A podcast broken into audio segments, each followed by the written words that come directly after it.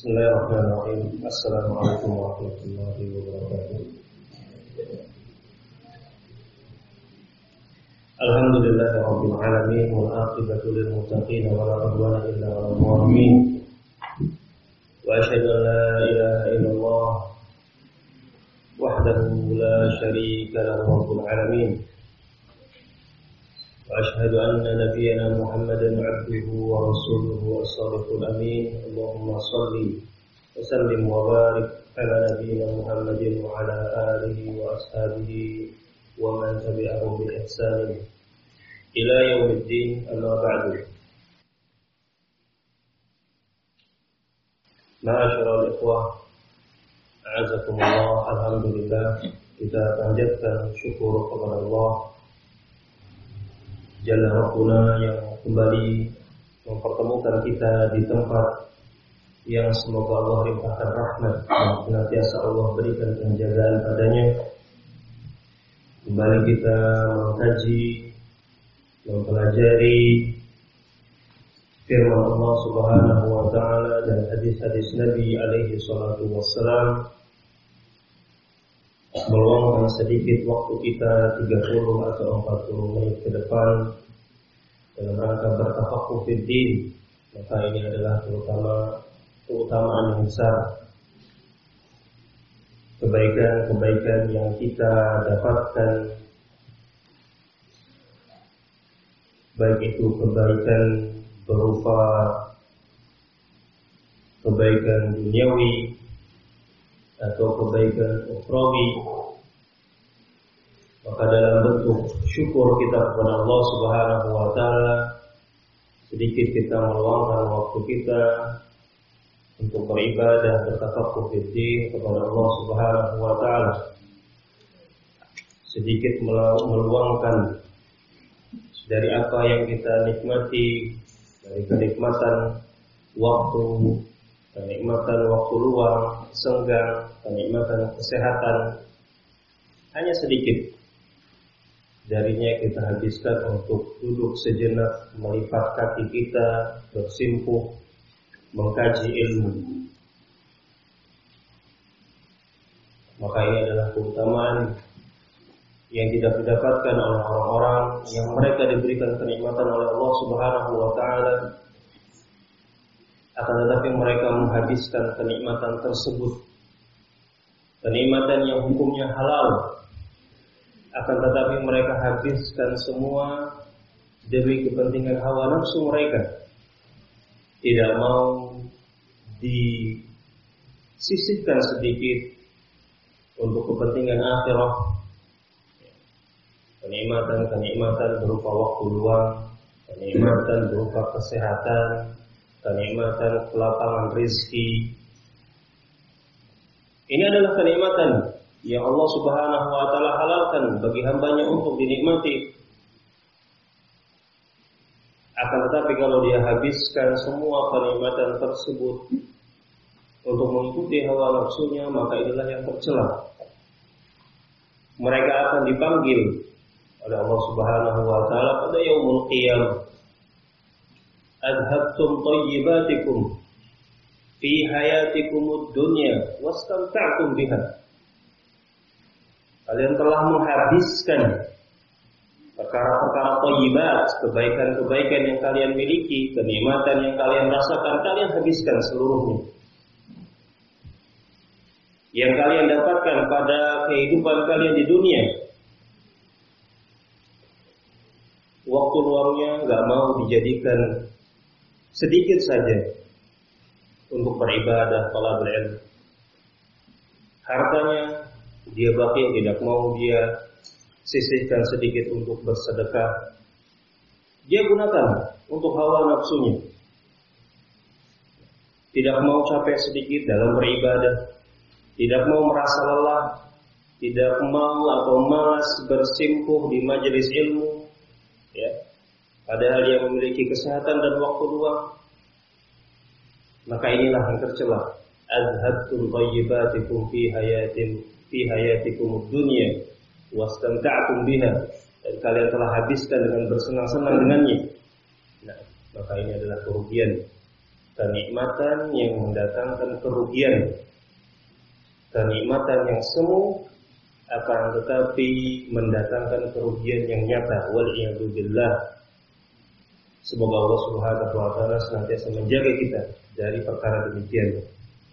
Masyaallah muslimin rahimani wa rahimakumullah. Kembali kita lanjutkan kajian kita dari kitab Alam Sunnatul Mansyurah Li'tiqadi Ta'ifatin Najiyatil Mansurah Kitab yang membahas tentang Tanya jawab seputar permasalahan akidah dan pada pertemuan terakhir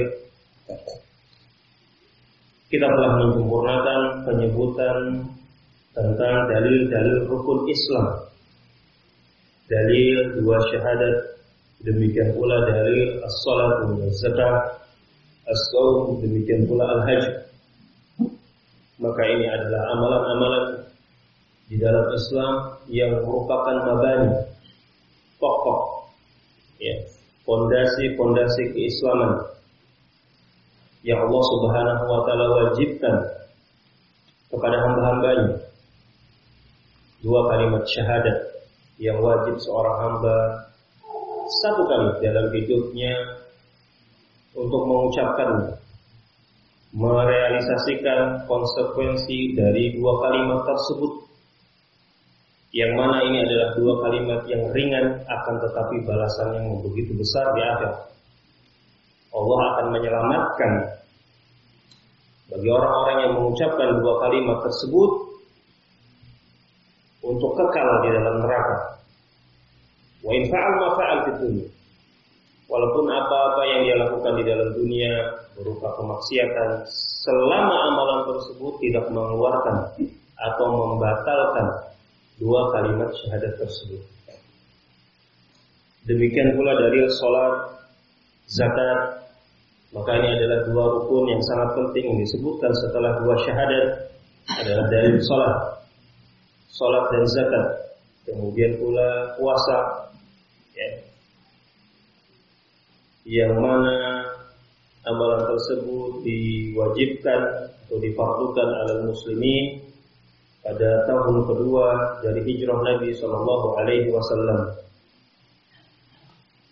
Maka ini adalah perkara-perkara yang wajib ain, perkara-perkara yang wajib untuk dilakukan setiap individu-individu Muslim.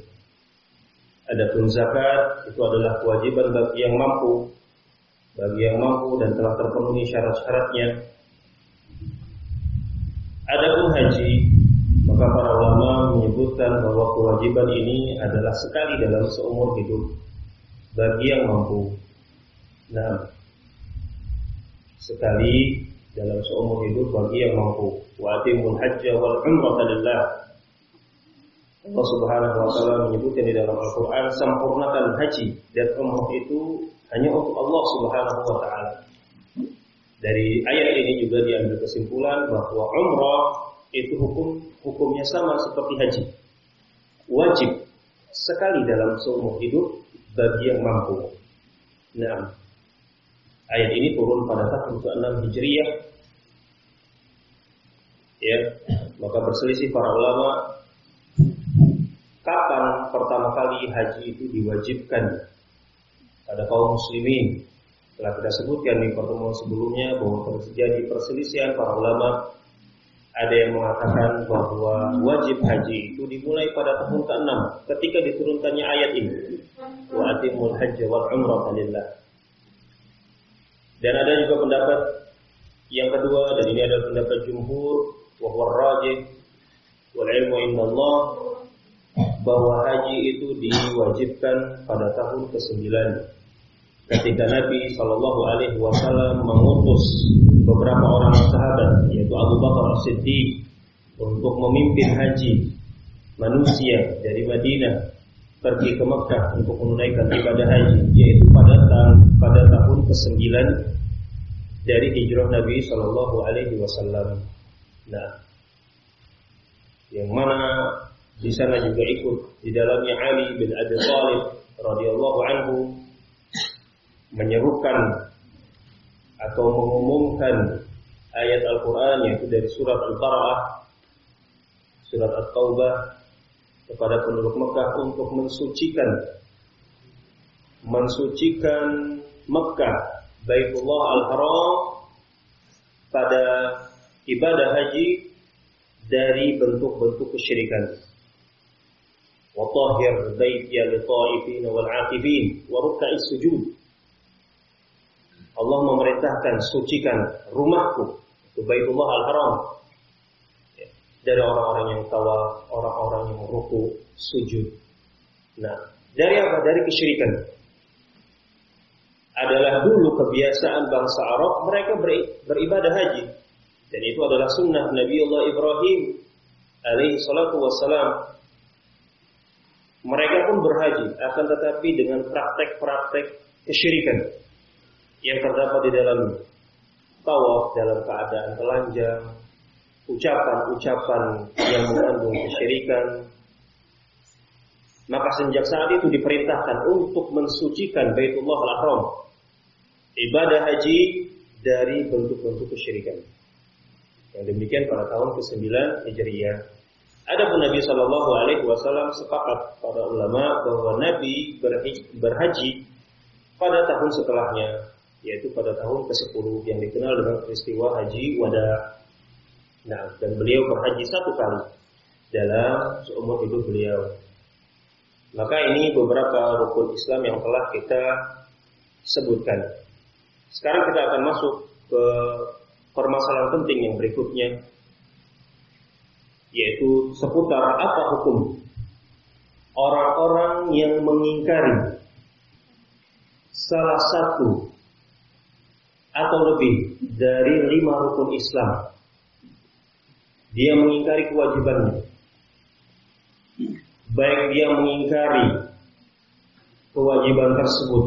Karena dia menyatakannya ya ini tidak wajib.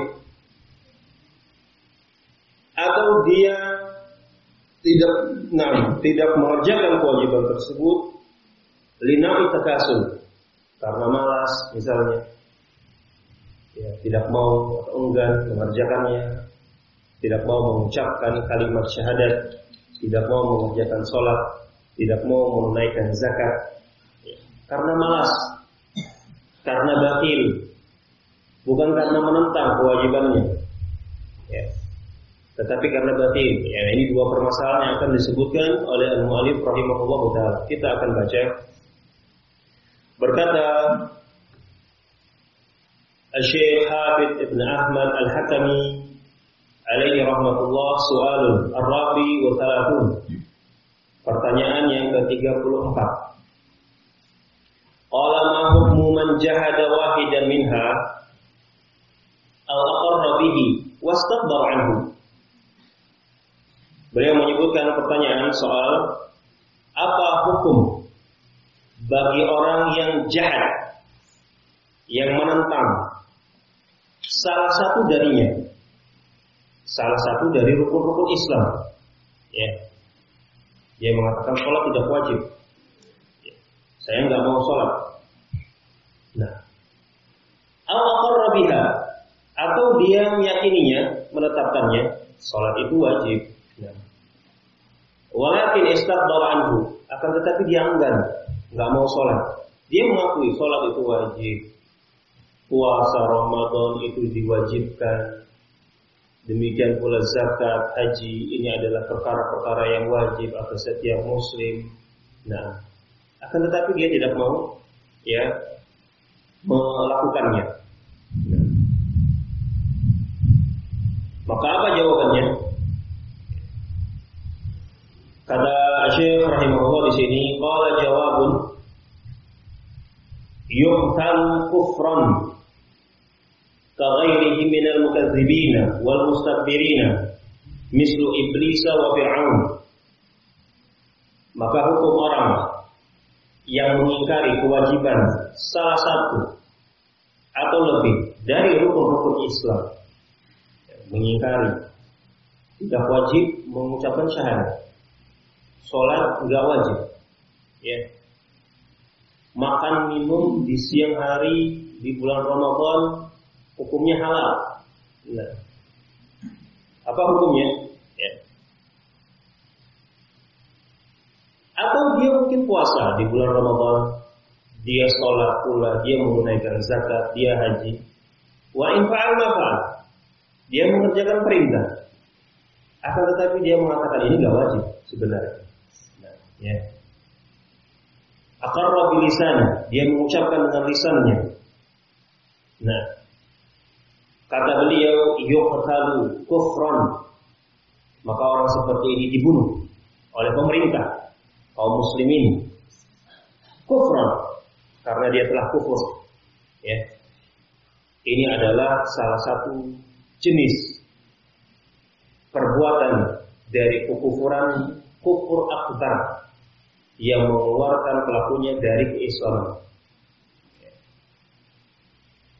Kaghairihi minal mukadzibin wal mustakbirin sebagaimana dihukumnya atau dibunuhnya orang-orang yang mendustakan perintah-perintah Allah, ayat-ayat Allah wal mustakbirin demikian pula orang-orang yang menentang seperti iblis dan Fir'aun. Nah, seperti iblis dan Fir'aun.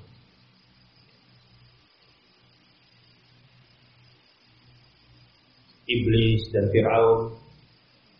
Nah, mereka mengakui akan ketuhanan Allah Subhanahu wa taala. Iblis mengetahui sangat pasti Allah lah yang menciptakannya. Ya. Khalaqtahu khalaqtani min narin wa khalaqtahu min tin. Ya Allah, Engkau telah menciptakan aku dari api dan Engkau menciptakan Adam dari tanah. Ini ikrar dari iblis bahwa Allah itu Rabbul Alamin yang wajib ditaati, dipatuhi perintahnya. Demikian pula Fir'aun yang Allah hukum dia dengan bala tentaranya wajahadu biha wa istaiqadatha anfusuhum zulman wa. Allah mengatakan mengkabarkan tentang Fir'aun. Mereka mengingkari tentang rububiyah Allah, Fir'aun dan bala tentaranya dari apa yang dikabarkan Musa kepada mereka. Akan tetapi hati-hati mereka ini tenang dalam keimanan artinya hati-hati mereka mengimani Allah itu Rabbul Alamin. Akan tetapi amalannya tidak sama dengan apa yang di hatinya. Demikian pula para ulama menghukumi paman Nabi Shallallahu Alaihi Wasallam Abu Talib. Abu Talib meyakini dengan pasti tentang kebenaran agama yang dibawa oleh keponakannya Nabi Muhammad Shallallahu Alaihi Wasallam. Akan tetapi dia enggan untuk mengucapkan kalimat la ilaha illallah. Kalimat yang kata Nabi menjadi hujah bagiku, kata Nabi, di hadapan Allah untuk kamu wahai pamanku, untuk menolongmu dari siksa api neraka. Dia mengetahui tentang kebenaran ajaran Nabi, akan tetapi enggan untuk mengucapkan la ilaha illallah, rukun yang paling pokok dari keislaman awal wajibin ala kulli mukallaf. Kalimat la ilaha illallah Muhammad Rasulullah.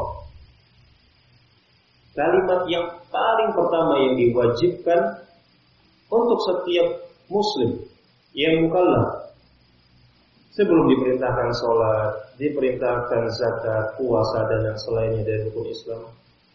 Kalau dia tidak mengucapkan la ilaha illallah, la tuqbal salatuhu wala zakatuhu wala siyamuhu nggak diterima salatnya zakatnya puasanya tanpa ucapan kalimat syahadat la ilaha illallah walaupun dia meyakininya kebenarannya. Abu Talib mengatakan laqad ra'aitu bi anna dina Muhammadin khaira al-bashar. Na'am khairal bariyati dinan. Pengakuan sendiri dari Abu Talib paman beliau, sungguh aku telah mengetahui bahwa agama manusia yang paling baik, yang paling benar adalah agama yang dibawa oleh Muhammad. Akan tetapi dia enggan untuk mengucapkan La ilaha illallah. Famata ala kufur. Maka dia mati wafat di atas kekufuran. menentang salah satu dari kewajiban hukum-hukum Islam. Hukumnya kafir, ya, kufur akbar. Nah.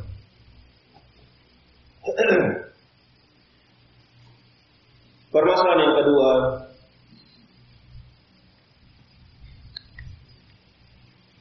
Soal yang berikutnya soal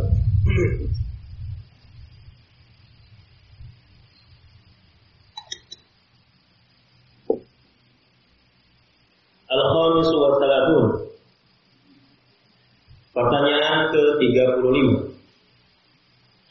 Man hukmu man aqarra biha Thumma tarakaha Linaw'i takasuli au ta'wil Apa hukum orang yang mengakui kewajibanmu. Artinya mengakui kewajiban dari rukun-rukun Islam. Syahadatan, salat, zakat, puasa, haji. Dia mengakuinya. Ini adalah perkara yang wajib. Summa Akan tetapi kemudian dia meninggalkannya tidak mau mengucapkan syahadat, tidak mau menegakkan sholat, nah, tidak mau membayar zakat, tidak mau puasa, tidak mau pergi haji. Alasannya lina itakasur karena malas,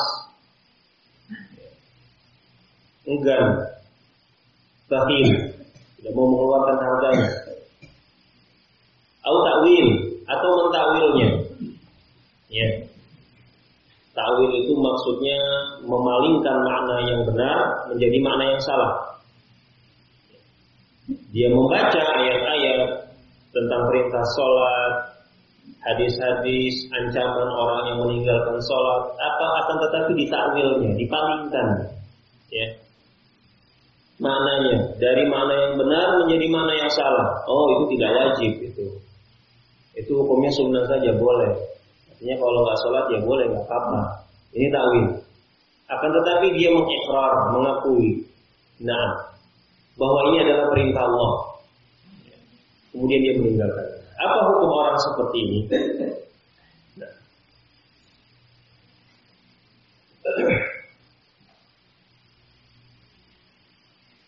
Berkata al-mu'allifu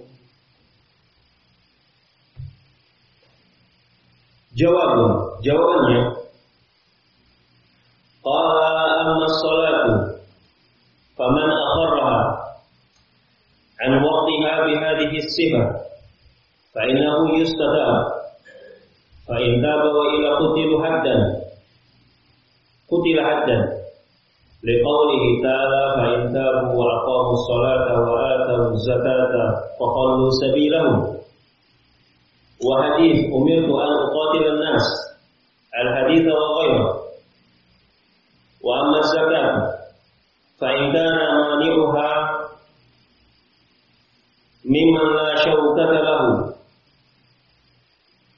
أخذها الإمام منه قهرا ونكله بأخذ شيء من ماله.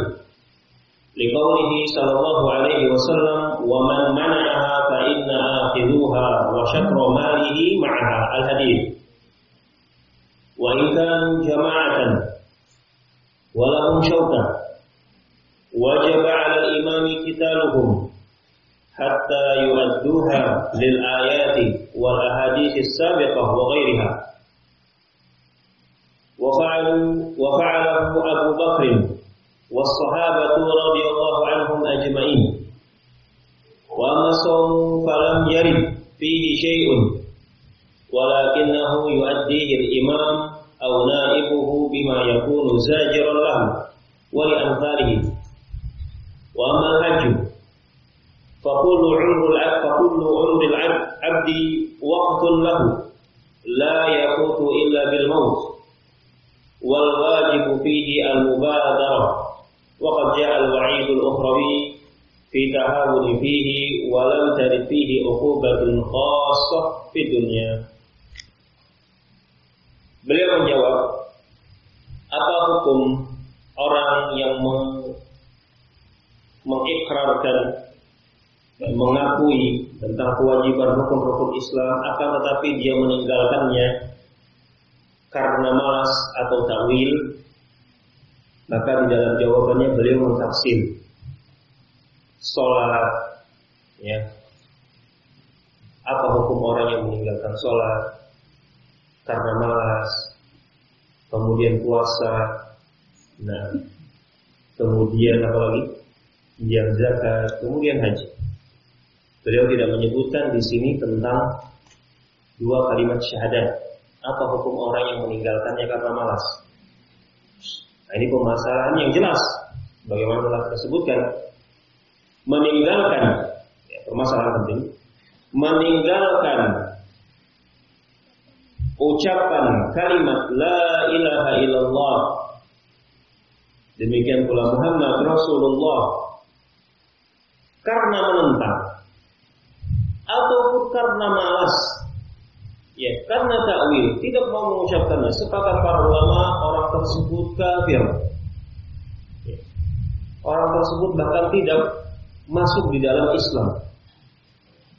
Ya. sepakat para ulama sebagaimana Abu Talib paman Nabi Shallallahu Alaihi Wasallam walaupun dia mengakui tentang kebenaran Islam tetapi tidak mau mengucapkan la ilaha illallah kafir. Dia kufur. Walaysa muslim.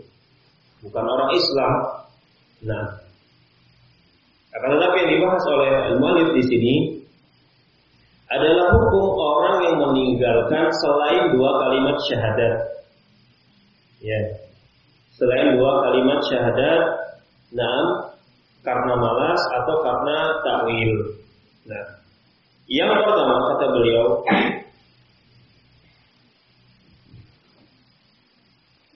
Qala amma sholatu Adapun sholat yaitu orang yang meninggalkan sholat karena malas Faman aqaraha an waqtiha bihadhihi sifah Barang siapa orang yang suka mengakhirkan sholat, meninggalkan sholat ya seperti ini dengan sifat seperti ini. Nah, malas, sholatnya kadang bolong-bolong, tidak pernah terlihat di masjid, bahkan Jumat pun ya syukur-syukur setahun sekali datang ke lapangan sholat id. Nah, apa hukumnya orang seperti ini? Fa'innahu yustatab. Maka diminta taubatnya. Artinya setelah ditegakkan hujah atasnya. Kalau dia jahil, kalau dia adalah orang yang bodoh tidak mengerti, Nah, dijelaskan, diberi burhan, diberi penjelasan. Nah, dijelaskan hukumnya seperti ini, ya tidak boleh. Ini adalah perkara yang wajib ain, wajib bagi setiap laki-laki dewasa untuk mengerjakannya secara berjamaah di masjid dengan keutamaan demikian dan demikian. Nah, kalau perlu didatangkan atau dibacakan kepadanya dalil-dalil yang nah menyebutkan tentang siksaan atau ancaman bagi orang-orang yang meninggalkan sholat dijelaskan kepadanya. Kalau dia menerima alhamdulillah. Kalau dia tetap menolaknya, nah maka telah tegak hujah atasnya. Yustata. Dia tetap meninggalkannya, maka diminta taubat. Harus bertaubat. Wa ila haddan kalau dia bertobat, maka alhamdulillah. Itulah yang diinginkan. Kalau dia menolak, nah, maka dia dibunuh. Secara had, hukum had. Nah, tapi yang perlu diperhatikan bahwa hukum seperti ini ini dilakukan oleh al-Imam al-Azam penguasa, pemimpin yang terbesar ya yang berhak untuk melakukan seperti ini. Bukan setiap individu-individu kita, eh kamu gak salah, saya bunuh. Nah ini tidak boleh. Haram hukumnya. Ya, bukan seperti itu. Maka dia diminta taubatnya. Kalau dia tidak mau bertobat, maka dia berhak untuk dibunuh secara hukum had. Apa maksudnya hukum had? Hukum had maksudnya dia dihukum dibunuh dan dengan hukuman bunuh sebagaimana dibunuhnya pezina yang muhson ya kan? Atau orang yang membunuh kemudian dihukum kisos. Ini hukum had namanya.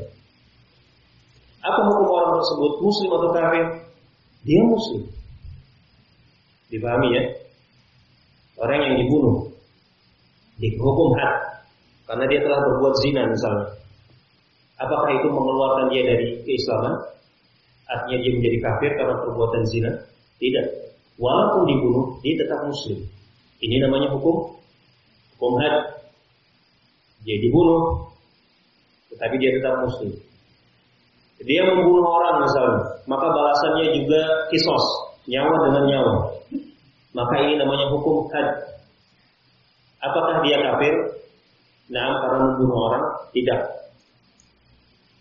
Dia membunuh karena tidak sengaja, atau dia membunuh sengaja karena amarah, bukan dia menghalalkan pembunuhan, tidak.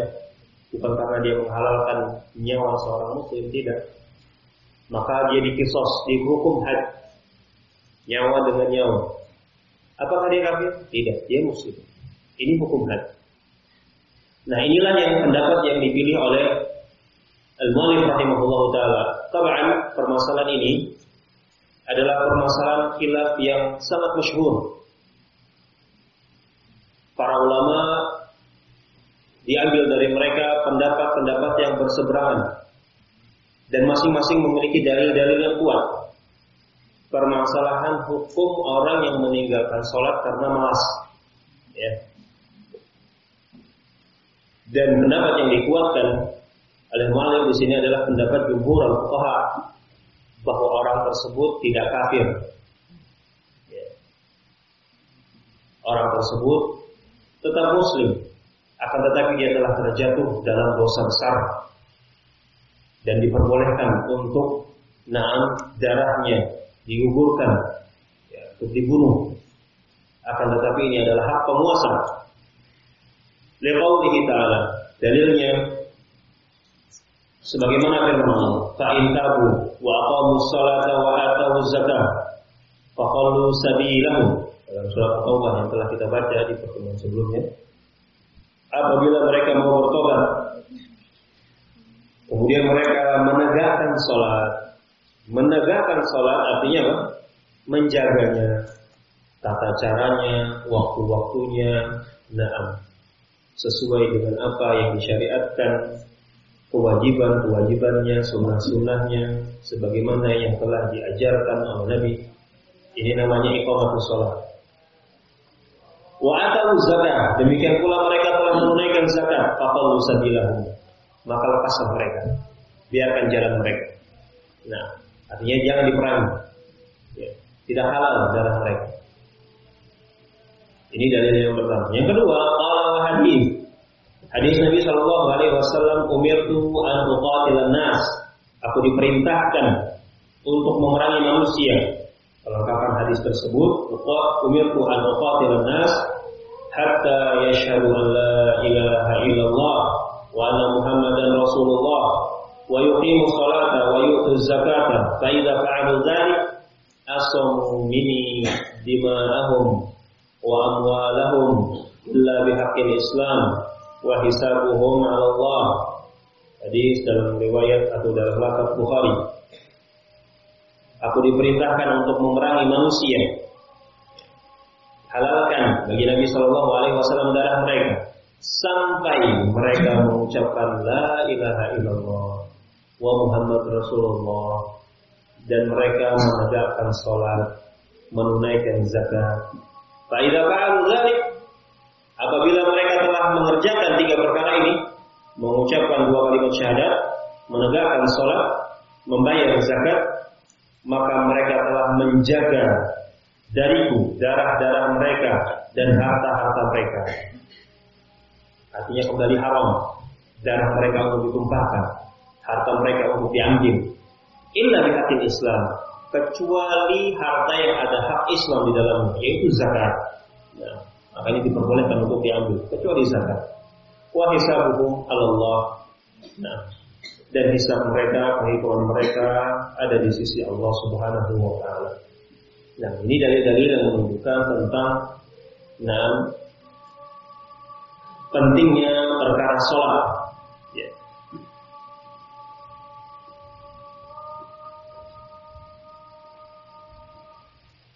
Kita lanjutkan insyaAllah setelah azan al-isya. Allah Ta'ala al-muadzin al-muadzin barakallahu fiik. Jazakumullah khairan.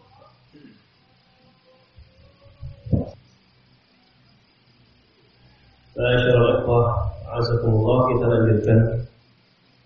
Jadi dalil-dalil ini dan yang selainnya berselisih para ulama secara global maksud saya selain permasalahan sholat apa hukum orang yang meninggalkan salah satu dari rukun-rukun Islam karena malas atau yang semisalnya karena takwil maka di sana ada tiga pendapat yang masyhur dari pendapat para ulama. Tiga pendapat yang masyhur dari para ulama tentang orang yang meninggalkan salah satu rukun atau lebih dari rukun-rukun Islam karena malas. Pendapat yang pertama adalah orang tersebut hukumnya kafir, yukfar. Fi al-arkan al-khams kulliha pada setiap rukun dari rukun-rukun Islam yang lima. Nah,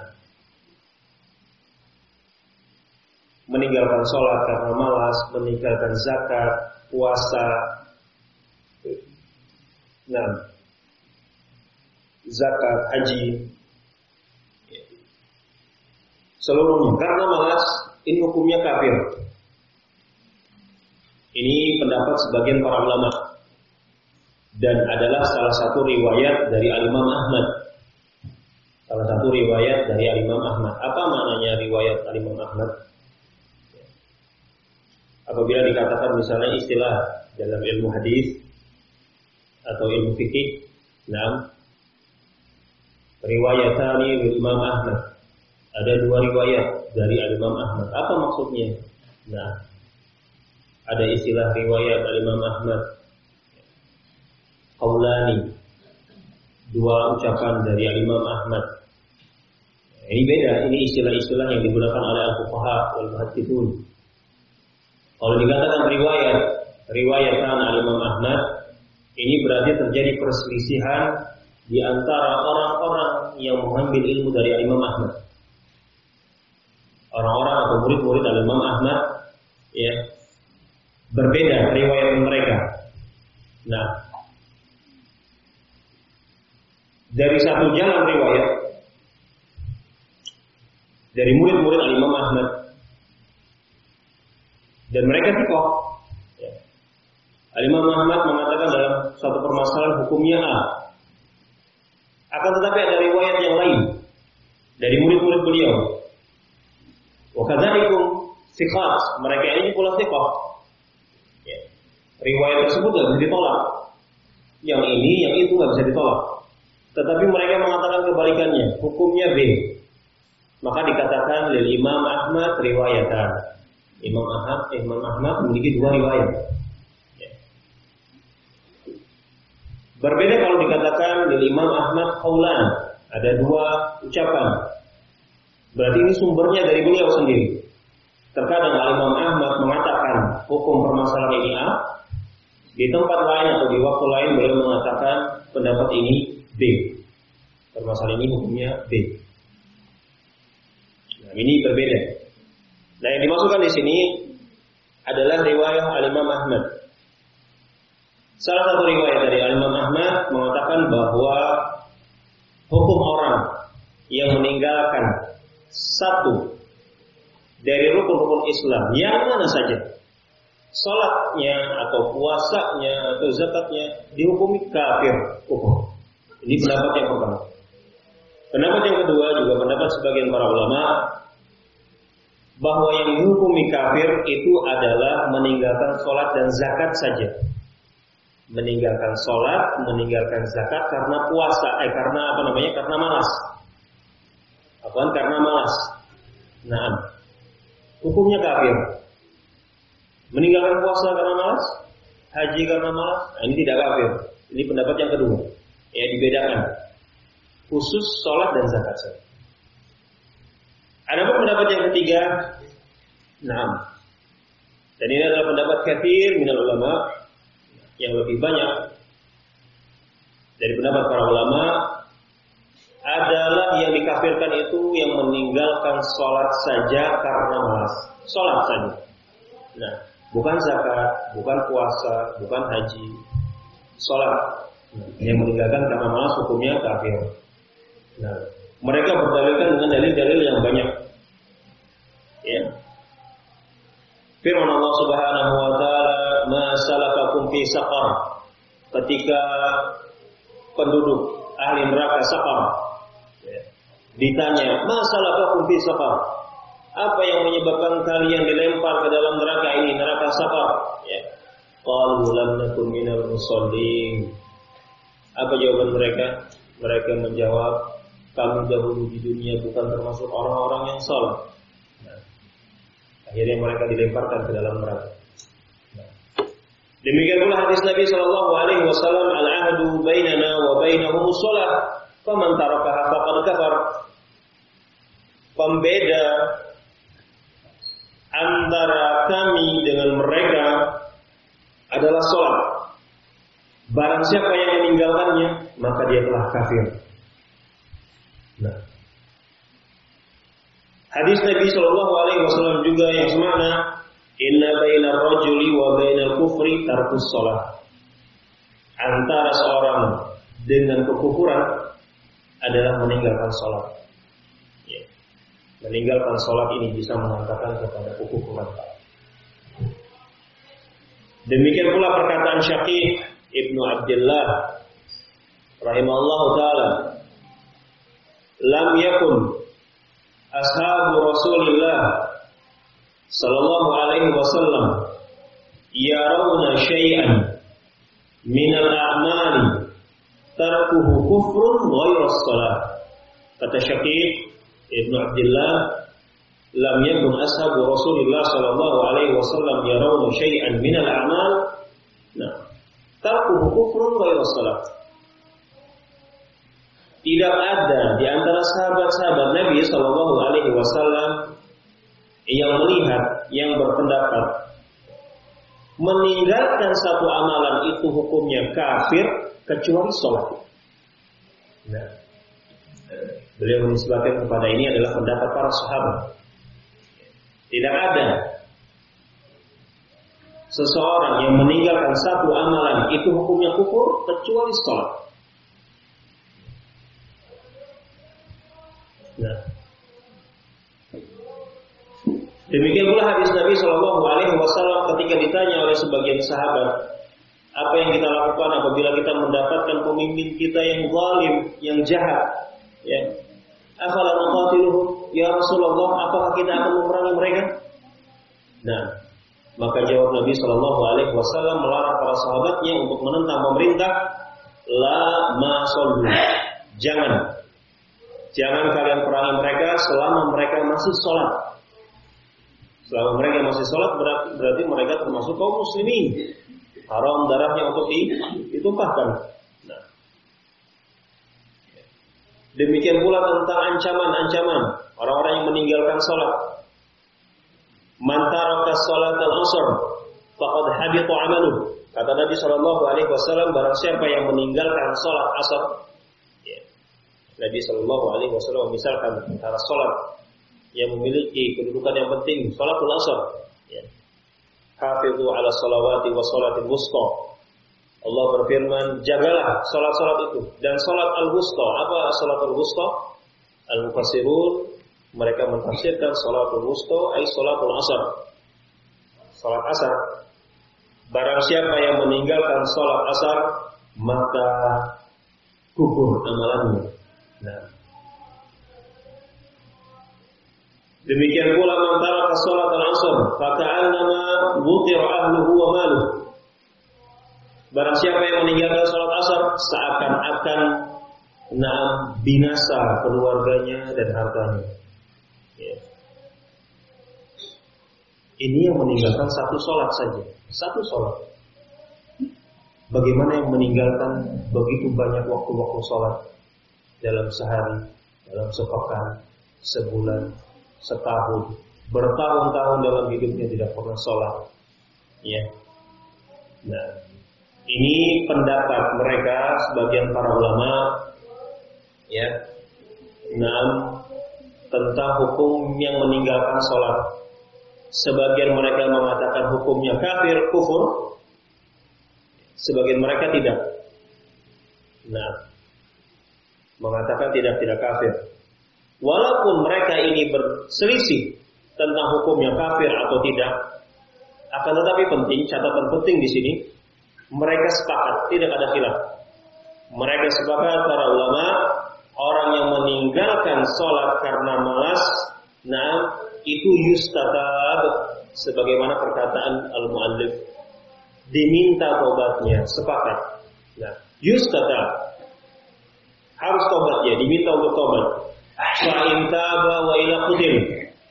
Kalau mereka tidak mau tobat, maka dibunuh ya oleh pemerintah. Ini sepakat, tidak ada perselisihan. Kalau tidak mau tobat, tetap meninggalkan sholat, maka dia dibunuh. Hanya saja, nah ini sini titik permasalahannya, hanya saja mereka berselisih mereka ini dibunuh karena had atau karena riddah. Utila dan amriddatan fahada mungkinul khilaf bainal ulama. Nah, apakah mereka itu dibunuh karena hukum had atau dibunuh karena riddah? Kalau hukum had telah kita jelaskan tadi, artinya dia, dia dibunuh, akan tetapi hukumnya tetap muslim. Dia seorang muslim. Dia mati dalam keadaan Islam. Berbeda kalau dibunuh dalam hukum eh, dengan hukum riddah, murtad. Ya, berarti dia telah keluar dari keislaman. Nah, ini yang membedakan antara pendapat yang pertama dengan pendapat yang kedua. Nah, pendapat yang mengatakan bahwa mereka ini dihukum hak riddah, mereka kafir, meninggalkan sholat karena malas hukumnya kafir, ya, ini adalah sebagian pendapat para ulama Adapun pendapat jumhur al-fuqaha, jumhur ulama, na'am al-madzahib al-arba atau sebagian al-madzahib bahwa orang yang meninggalkan sholat karena malas, na'am itu tidak tidak kafir. Ini adalah pendapat Al-Imam Malik, Al-Imam Syafi'i, Demikian pula riwayat dari Abu Hanifah atau pendapat Abu Hanifah dan riwayat dari Al-Imam Ahmad. Riwayat yang dipilih oleh enam oleh muridnya Ibnu Battah. Ibnu Battah memilih riwayat yang ini ya, bahwa enam orang yang meninggalkan sholat karena malas ya tidak tidak dikafirkan. Berbeda dengan pendapat pertama tadi hukumnya kafir kita telah mengetahui bahwa khilaf taifatain dua pendapat ini mereka berdalil dengan dalil yang sama. Dalil-dalil yang kita bacakan tadi mereka berdalil dengan dalil yang sama, ya. Allahu bainana wa na'am wa bainahum as-shalah faman tarakaha faqad kafar. Barang siapa yang meninggalkan salat ini hukumnya kafir. Pendapat yang pertama, pendapat yang kedua berdalilkan dengan dalil ini. Ya. Hanya saja mereka berselisih dalam memahami lafaz al-kufur di sini. Fakat kafir, maka telah kafir. Yang mengatakan dia kafir keluar dari keislaman, maka kufur yang dimakan di sini adalah al-kufru al-akbar. Ada akan tetap jumhur berpendapat bahwa kufur yang di sini adalah kufrun duna kufrin, ay al-kufru al-asgar. La yukhrid sahibahu minal millah minal islam. Sampai di sini insyaallah apa yang kita sebutkan Nah, masih ada sedikit penjelasan. Insya Allah akan kita lanjutkan di pertemuan berikutnya. Bismillah kita kami mohon untuk pertanyaan. Sampai di sini Allah Taala. Assalamualaikum warahmatullahi wabarakatuh.